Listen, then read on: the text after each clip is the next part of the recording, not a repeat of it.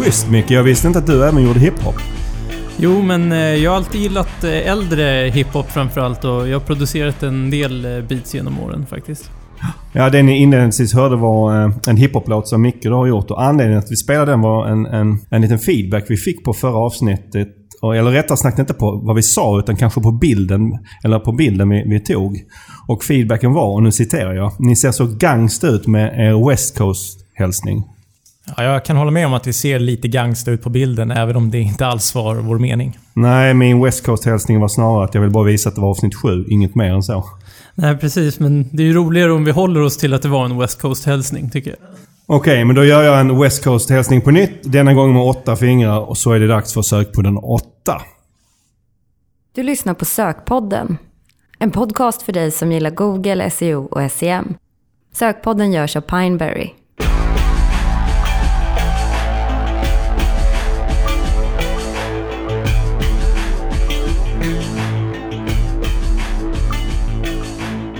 Varmt välkomna till Sökpodden avsnitt 8.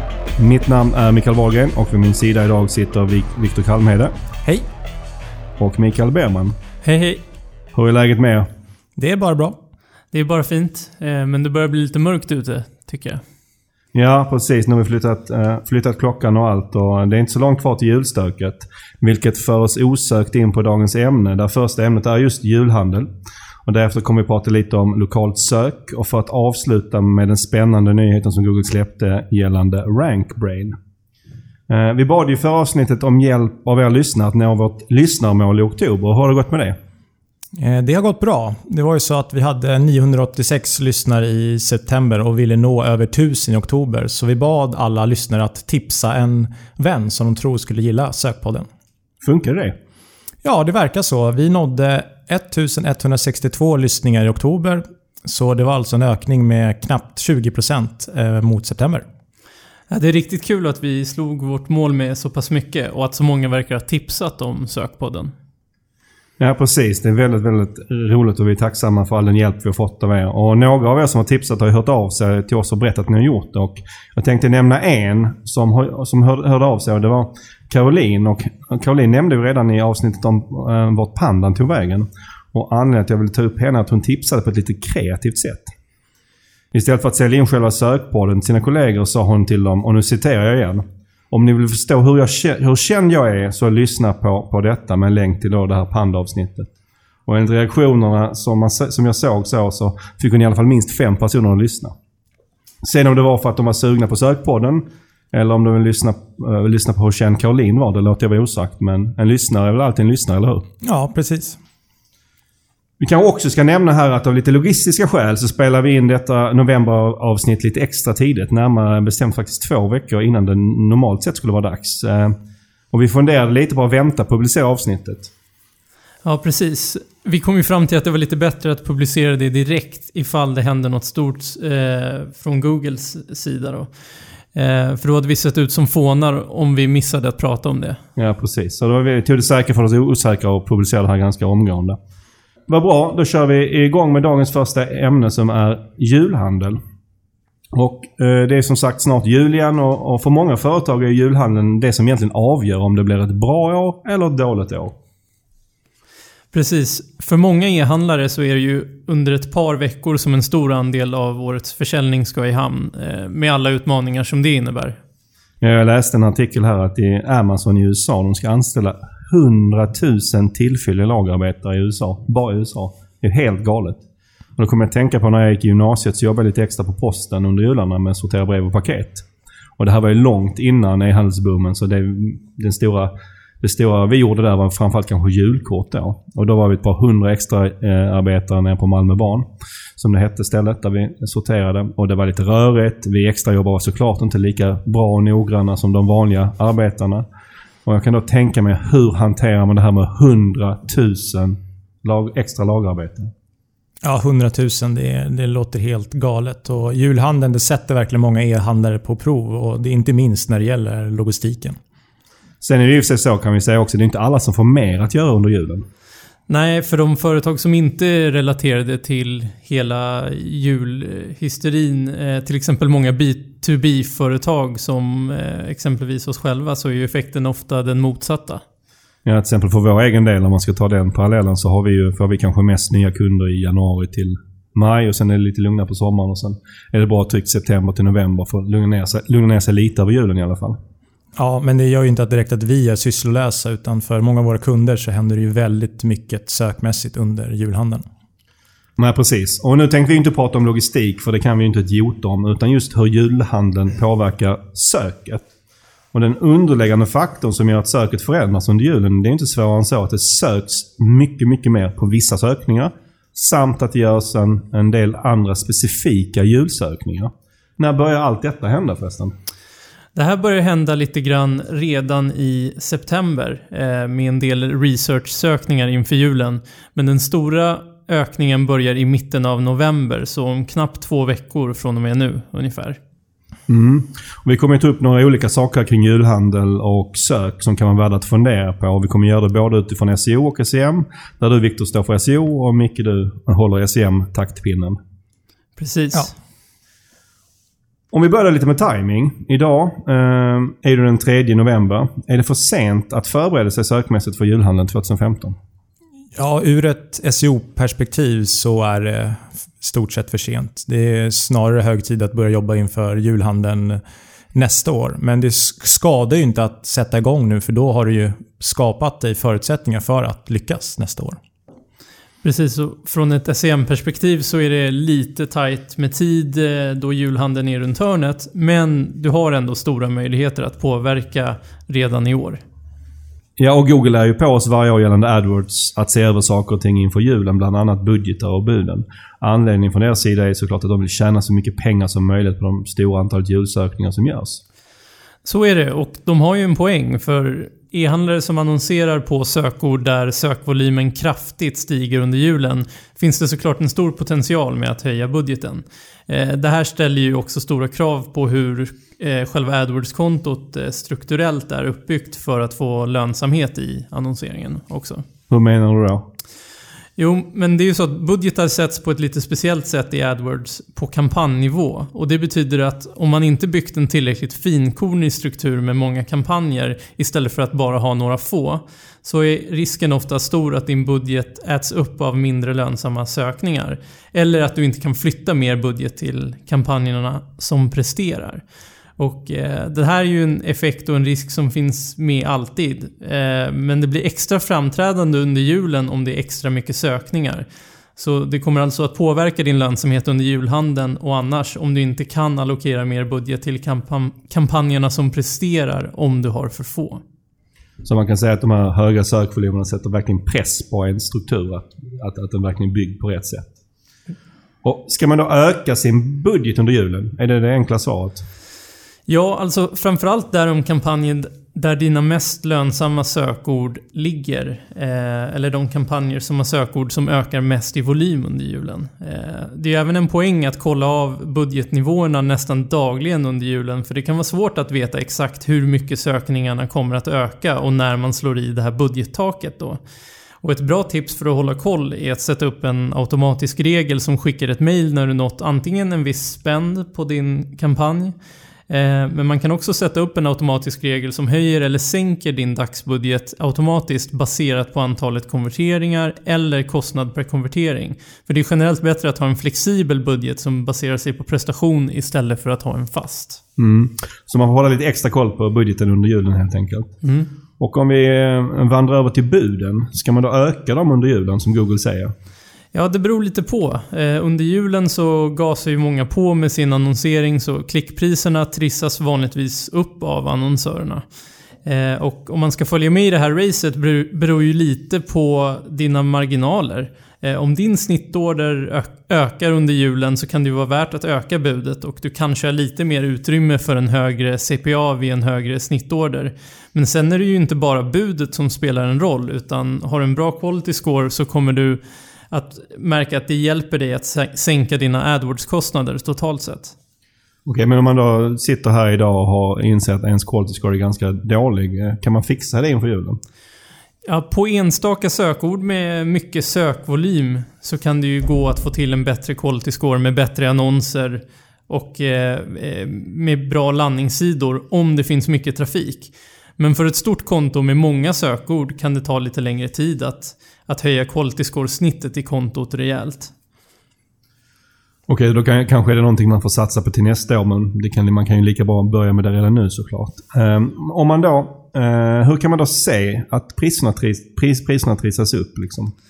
Ja, det enklaste sättet är att uh, följa sin snittposition i, i kontot. Eh, om man normalt ligger runt 2 och helt plötsligt halkar ner till runt 4 i snittposition så är det en indikation på att priserna kan ha trissats upp av andra annonsörer inför julhandeln. Och då behöver du kanske kontra eller inte. Mm. Eh, förutom att sökvolymen ökar på ens vanliga sökord så kan det ju vara att det dyker upp helt nya julspecifika sökord. Jag tänker på till exempel julklapp till pappa eller juldukar som kan vara intressant om du säljer kanske dukar. Är det för sent att synas på något organiskt, Viktor? Eh, generellt sett ja, men om du hittar något nischat eh, som, eh, för dig och du har en stark sajt i grunden så kan man ju alltid slänga upp en landningssida för dig nu. Eh, men främst så handlar det om att jobba inför nästa jul om du inte har någonting idag. Och om man till exempel har en julsektion på sin sajt, och det kan vara ganska vanligt hos en del. Jag var ju själv inne på ICA Hemmas juldel förra veckan och kollade lite. Och där hade de sidor för bland annat juldukar, julgranspynt och så vidare. Vad gör man med de här sidorna när julen är slut? Ja, det vanliga är tyvärr ju att folk eh, tar bort dem och att man tar bort dem helt. Att man slänger ut dem. Och Eh, det tar ju tid att, att ranka organiskt och då om man tar bort eller tar ner sidor då får man börja om från början igen nästa jul och tar inte vara på det man har arbetat upp. Eh, så det man ska göra istället är att behålla sidorna och att, eh, se till att de finns inlänkade någonstans i strukturen så att de bara inte hänger löst så att säga. Och sen när, man, ja, när hösten kommer igen så får man ju länka in till dem igen högre upp i strukturen från menyn och så. Mm. Och hur kan man få reda på vilka specifika julsökord som är relevanta för en själv? Ja, alltså om man funderar igenom vilka produkter eller tjänster man e- erbjuder och liksom vilka av dem som eh, passar för julen eller att ha som julklapp. Så tar vi då till exempel med, med dukar. Då är det ju självklart att du ska ha en sektion för, för juldukar. Då. Eh, och då måste du såklart ha en, en målsida för juldukar. Och Sen brukar vi även säga att just julen är även spammarnas högtid. Ja, det brukar dyka upp mer spam i sökresultatet under julen. Det, det är någonting vi ser. och det, det, det finns ju ett större incitament att spamma sig upp eh, med kortsiktiga aggressiva metoder om sökvolymerna är höga som de är under julen. Och då eh, Framförallt då på sökord som är specifika för just julen. Vad kan man göra åt detta? Inte så mycket. Man kan inte...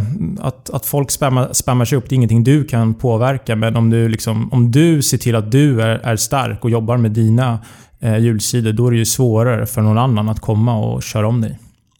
Så det är ytterligare en anledning till att man inte ska plocka bort sina julsidor helt och hållet? Ja, precis. Och en, en, annan ganska vanlig sak som händer det är ju att eh, de stora tidningarna eller medierna skriver om saker eh, och då tillfälligt rankar på ditt sökord. Så till exempel så skulle Aftonbladet kunna skriva en artikel om de finaste juldukarna just nu och då att då kan den klättra förbi dig eh, tillfälligt under julen. Så det är någonting vi ser också. Mm. Är det någonting mer man ska tänka på sökmässigt inför julen? Jo, men eh, det är väl att inte fira jul för länge, för sökningarna avtar ju in mot julafton, men sen exploderar de igen i vissa segment eh, inför och under julrean. Mm. Vad bra. Då lämnar vi julen för nu och går eh, vidare till nästa ämne för dagen som är lokalt sök. Och vad menar vi egentligen med lokalt sök? Ja, det är när du söker efter något med en lokal anknytning. Till exempel snickare snickare Gävle. Eh, och enligt Google så är det runt 40% av alla sökningar. De har någon form av lokal anknytning. Men sen är det ju så att eh, Google är så smart så om du bara söker snickare så ser Google det också som en, en, en lokal eh, sökning också. Mm. Och Det har pratats en del om nu på slutet om att allt lokalt sök kommer att bli betalt sök, det vill säga via AdWords. Eh, och vår branschkollega och vän Christian Rudolf har exempelvis sagt att han tror att detta händer inom 18 månader, att alla lokala resultat kommer att vara köpta. Vad är bakgrunden till detta? Ja, bakgrunden är väl att Google experimenterar mycket med hur det lokala sökresultatet ska se ut. Och det har gjorts live-tester i USA där de lokala organiska resultaten byts ut mot betalda lokala resultat. Vad tror vi? Kommer det här bli permanent? Det är svårt att säga. Å ena sidan har Google ändrat och bytt så mycket i de lokala resultaten. Det är mycket möjligt att det bara stannar vid ett test. Men å andra sidan så vill ju Google tjäna så mycket pengar som möjligt och det är en bra möjlighet för dem.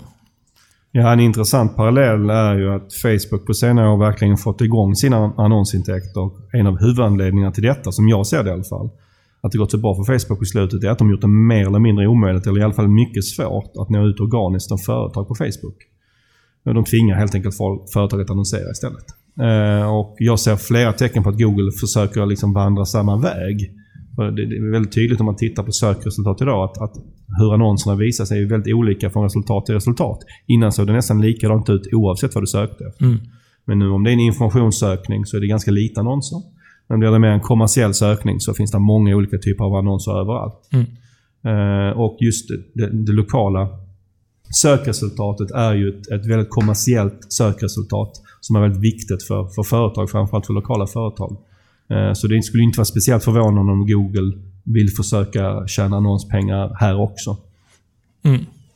Men med det sagt så tror vi inte att SEO är död den här gången heller. Utan bara för att Google kommer försöka då, då kommer ju bara försöka kräma ut lite mer annonspengar helt enkelt. Ja, Google har stora förväntningar på sig hela tiden att tjäna mer och mer pengar. Det lokala söket har ju tagit över från kataloger likt eh, Iniro mer eller mindre helt och hållet. Och precis som i Iniro så vill ju Google eh, på något sätt tjäna pengar på detta. Mm. Men okej, okay, men om vi utgår från hur, hur det lokala söket är idag. Har ni några bra tips på hur man ska synas lokalt? En viktig komponent är såklart Google My Business. För det är ju grunden i det lokala resultatet som Google visar upp idag. Eh, så lägg krut på ditt eh, My Business. Se till att du presenteras bra, att du har relevanta, långa beskrivningar, eh, bilder och att det, är, liksom, att det är korrekt information. Att du har samma information i My Business som du har på sajten.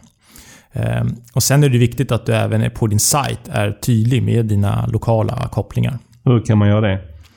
Ja, att du helt enkelt signalerar i vilka geografiska områden du är verksam. Att du till exempel att du nämner den stad eller område där du verkar i ditt innehåll. I titlar, rubriker, eh, att du har med adressen till exempel i sidfoten.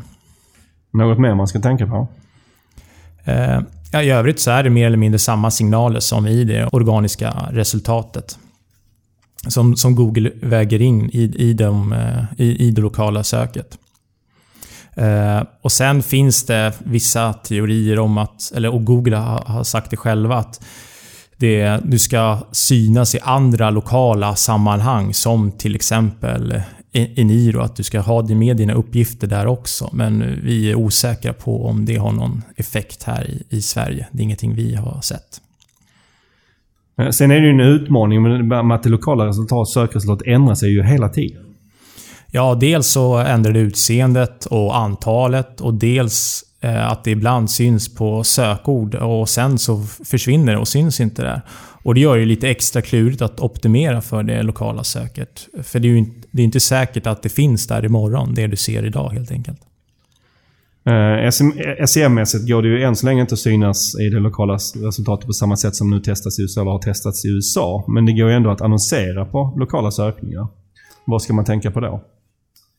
Framförallt kan man ju tänka på att eh, lokalanpassa eh, sina annonser för en mer eh, riktad annonsering. Att man till exempel har en rubrik som är relevant för området man annonserar i.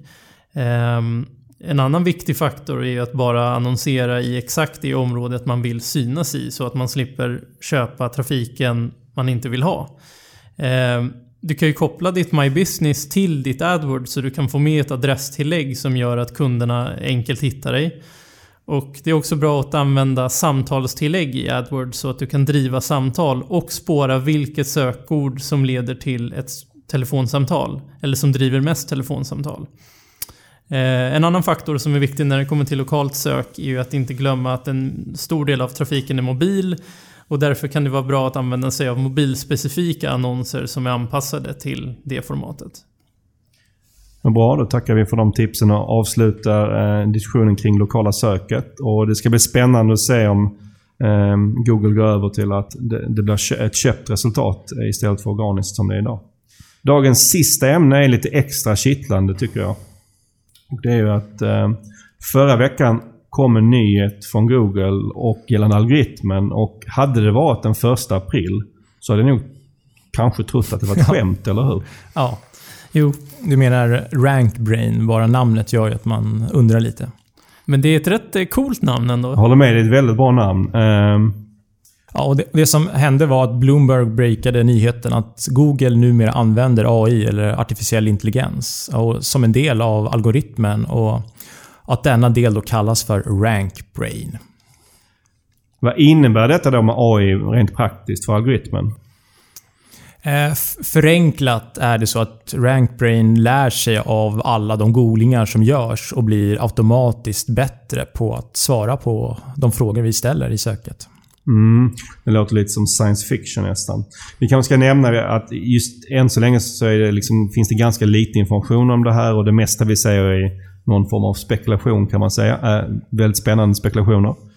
Um, och är det så att man vill fördjupa sig i det här ämnet om RankBrain så kan jag rekommendera en artikel, en FAQ skriven av Daniel Sullivan på Search Engine. Den var väldigt bra och informativ om vad, av vilken information som finns än så länge eh, från Google och, och hans spekulationer. Okej, okay, men om vi ska ta några av de mest intressanta saker som har kommit fram gällande RankBrain. Ja, en sak är ju att Google säger att RankBrain är den tredje viktigaste signalen i algoritmen. Ja, det var ju minst sagt spektakulärt eh, uttalande från Googles sida. Och den, den, första frågan, eller de första två frågorna kanske man kan säga, som poppade upp i mitt huvud efter det är vilket är signal 1 och vilket är signal 2? Vad tror ni? Etta är säkert länkad fortfarande. Det känns ganska givet. Mm. Och sen två, det är nog något med innehållet som gör att Google förstår vad en sida handlar om. Du menar lite att ta title is king som vi pratade om senast eller? Ja, alltså kanske inte enbart titeln, även om den säkert är en viktig del av det, utan snarare innehållet som helhet. Mm. Och jag kan tillägga där att när Dennis Sullivan frågade Google om vilka som var signal 1 och 2 så ville de inte berätta det. En sak jag funderade på att RankBrain känns ju inte egentligen som en signal. I samma bemärkelse som länkar, innehåll, HTTPS, mobilvänlighet och så vidare. Eh, precis. RankBrain känns ju mer som ett nytt sätt att eh, behandla frågorna som ställs när någon googlar. Och inte något som påverkar hur en viss sida rankar. Mm, jag håller med. Men tydligen så har Google varit tydliga med att det är en signal och att den påverkar hur sidor rankar. Okej, okay, men om vi antar att den påverkar en sidas placering. Vad gör då att en sida skulle kunna eh, ranka högre än en annan? Ja, om vi utgår från att den ska vara självlärande och kunna förstå intentionerna bak, bakom det vi, vi söker så skulle den ju kunna utvärdera resultaten den presenterar genom att titta på CTR eller bounce rate till exempel. Mm. Uh, hur stor påverkan har RankBrain? Enligt vad Google säger så påverkar den en stor del av sökningarna och exakt vad det innebär, det vet vi inte. Vilken typ av sökningar påverkar den då? Ja, alltså det är sannolikt inte tydliga sökningar som Google sedan länge kan svara på. Eh, jag tänkte på om man söker till exempel på screwdriver. Då är det inte den typen av sökningar kanske, utan det är snarare en sökning som var kan jag köpa en bra screwdriver? Och i det här fallet så kanske RankBrain skulle kunna lära sig att den som söker kanske är ute efter en skruvmejsel eller en stadig drink, beroende på vad som är relevant. Precis, om den lär sig att de flesta som söker just efter det är ute efter en skruvmejsel så visar de kanske det istället för recept på en stadig drink. Mm. Uh, så man kan säga att det är, liksom, det, är lite, det är de lite mer längre konversationssökningar som RankBrain försöker reda ut bättre då än den vanliga algoritmen. Och just konversationssökningar, de vet vi, de har ju ökat väldigt mycket de senaste åren. Då menar vi har sökningar som svarar på frågorna hur och vad, vilka etc. Ja, och, det vi inte ska glömma det är fortfarande att så att 15-20% av alla sökningar som görs har aldrig gjorts innan då, och det är enligt Google. Så sannolikt är en stor del av alla sökningar där det inte finns tillräckligt bra svar på idag som RampGrain då ska ta hand om. Det nämndes ett exempel i en av eh, artiklarna jag läste på en sökning där RankBrain skulle kunna ha varit i farten. Och Det var faktiskt en enkel och tydlig sökning, nämligen Barack. Där Google med RankBrains hjälp, spekulerades det i då, skulle både kunna förstå att du som googlar vill se information om Barack eh, Obama. Att man även vill ha information om presidentämbetet i allmänhet i USA. Och man vill ha lite information om Baracks fru Michelle.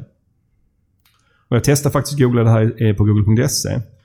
Och Det här är ju också ett roligt exempel på när det kan bli lite tufft för RankBrain. För då istället i Sverige så visar Google både information om president Barack Obama och byggnadstypen Barack på svenska. Mm. Och det är inte ens, inte ens för RankBrain är det alltid så lätt att veta vad man är ute efter. Nej. Nej, det är inte alls så lätt. Eh, ett exempel som Google själva hade nämnt var ju om man söker på “How many tablespoons in a cup” i USA och i Australien. Och att Google och RankBrain då väljer att visa olika resultat eftersom de använder sig av olika måttenheter i USA och Australien. Mm. Ja, jag såg en liknande um, sån sökning själv. Uh, där, jag liksom, där jag tänkte börja, För nu har jag börjat tänka, är det RankBrain som är i farten eller inte? Jag vet inte om det är RankBrain. men, men om man googlar vårt namn Pineberry på Google. Så kommer man um, på google.se då, så kommer man se ute till höger att det står uh, högst upp till höger då, i högerspalten så är det My Business-information om oss. Eh, och under det så ligger det Knowledge Graph om själva bäret. Eh, men om du googlar, om jag istället googlar på google.com, fortfarande då i sig från ett svenskt IP, så byter de här två plats. Det vill säga att knowledge grafen om bäret kommer ovanför. Och då skulle man kunna spekulera att det beror på att om, om Google, när Google är 100% säkra att vi vill göra en svensk sökning, då visar de företaget Pineberry, för i Sverige så är vi ju hyfsat kända. Mm. Medan om du, de är inte lika säkra på att vi, um, att, att vi gör en svensk sökning, i och med att jag var på google.com, så visar de bäret eh, överst istället. Eh, sen om detta beror återigen på RankBrain eller det är en vanlig sån geotargeting mekanism, det, det, det låter jag vara osagt. Men, men eh, det skulle kunna vara ett ställe där RankBrain är i farten. Mm. Och en, en, en, rolig parentes där, det är att de kallar bäret för ananasgubbe på svenska. Eller rättare sagt, det är ju Wikipedia som kallar det så. Eh, för det är den informationen som Google tar med i knowledge-grafen. Ja, vi kanske ska fundera på att döpa om företaget till ananasgubbe istället på Pineberry. Vad säger ni? Ja, jag vet inte. Tveksam. Okej. Okay. Uh, eh, hur länge har RankBrain funnits? Enligt Google så har RankBrain funnits sedan början på året och globalt sedan några månader tillbaka. Och har vi som då jobbar med det här SEO mer eller mindre, ja, dagligen gör vi kan man säga att vi gör det. Eh, har vi märkt någonting av det? Nej, det ändrar sig hela tiden i sökresultatet. Men det har inte varit några stora omskakningar under det här året. Så det, nej, det är svårt att säga. Kommer RankBrain påverka hur vi gör SEO? Ja, alltså, vi förstår ju inte riktigt eh, hur den kan vara en signal, så det är ju svårt att säga hur den ska påverka hur vi jobbar med SEO idag i dagsläget. i dagsläget. Men att arbeta med ännu mer med innehåll eh, ligger ju nära till hands. Du menar att använda synonymer, skriva mer text och fundera ut mer vad, vad folk ja. kan söka efter för att, Precis. när man ska att, hitta just dina tjänster? Mm, underlätta för RankBrain skulle man kunna säga. Ja. Um, artikeln i Bloomberg den kändes ju minst sagt lite placerad. Eller i alla fall att Google medvetet ville släppa denna information. De brukar ju inte vara sådär jättepigga på att berätta om sina algoritmer, vad som har hänt och inte hänt. Ungefär som de inte ville berätta vilket som var signal 1 och 2. Uh, men denna gång så ville de få ut det här. Mm, ja, alltså vi kan ju bara spekulera i varför. Det är ju sannolikt att Google vill få PR för det här. Och det är ju lite att ligga i framkant att använda sig av AI idag. Ja, precis. Så precis som vi brukar säga så ska vi ta den här informationen om RankBrain från Google med en stor skopa salt. Men det är minst sagt spännande och det ska bli väldigt kul att se hur RankBrain utvecklar sig längre fram. Då eh, börjar vi närma oss slutet på denna novemberpodd. Eh, men innan eh, vi slutar så vill jag uppmana alla som alltid att höra av er på Twitter där vi finns under sokmotorkonsult eller på vår e-mail sokpodden.pimer.com. Vi är väldigt tacksamma för all den feedback vi får, både ris och ros. Och fortsätt gärna att tipsa om eh, podden. Det uppskattar vi väldigt, väldigt mycket. Något mer vi ska nämna innan vi stänger affären för idag? Ja, glöm inte bort att det är snart dags för ett nytt SEO-snack. Eh, torsdagen den 26 november så ses vi på Suellen i Stockholm. Och eh, gå in på seosnack.se för att läsa mer om det här eventet. Och med det säger vi tack för idag. Ha det gott och på återhörande i december. Hej hej! Hej hej!